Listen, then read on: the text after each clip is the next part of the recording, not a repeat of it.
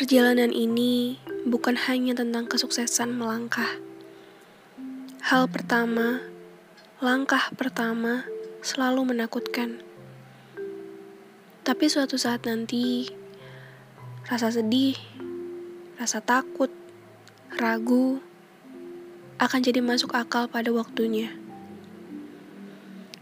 Kita nggak akan pernah siap sama perubahan sekecil apa pun itu. Tapi dinamika selalu berjalan mengikuti arusnya. Pilihannya cuma dua, menyesuaikan diri atau tertinggal.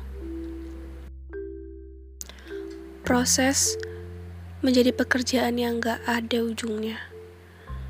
Setiap langkah yang kita ambil, setiap anak tangga yang kita naiki, perlu banyak proses yang gak bisa kita tinggal, yang gak bisa kita lewatin.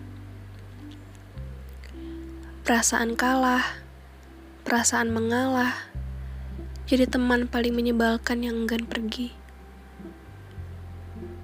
Andai bisa jadi kura-kura, betapa bahagianya dia dengan jalannya yang lambat. Dia bisa mencuri banyak kenangan. Dia hanya akan fokus pada jalannya. Dia nggak peduli dengan orang lain yang berjalan dengan cepat. Baginya, tidak pernah ada perlombaan, tidak perlu juara satu. Tenang sekali hidupnya.